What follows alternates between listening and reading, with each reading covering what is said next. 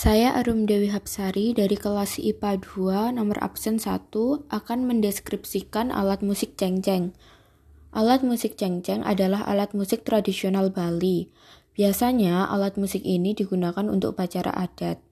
Alat musik cengceng terbuat dari logam atau tembaga yang berkualitas tinggi. Cengceng merupakan alat musik tradisional yang memiliki dua keping simbal logam dan dimainkan dengan cara membenturkan satu simbal ke simbal satunya. Terima kasih.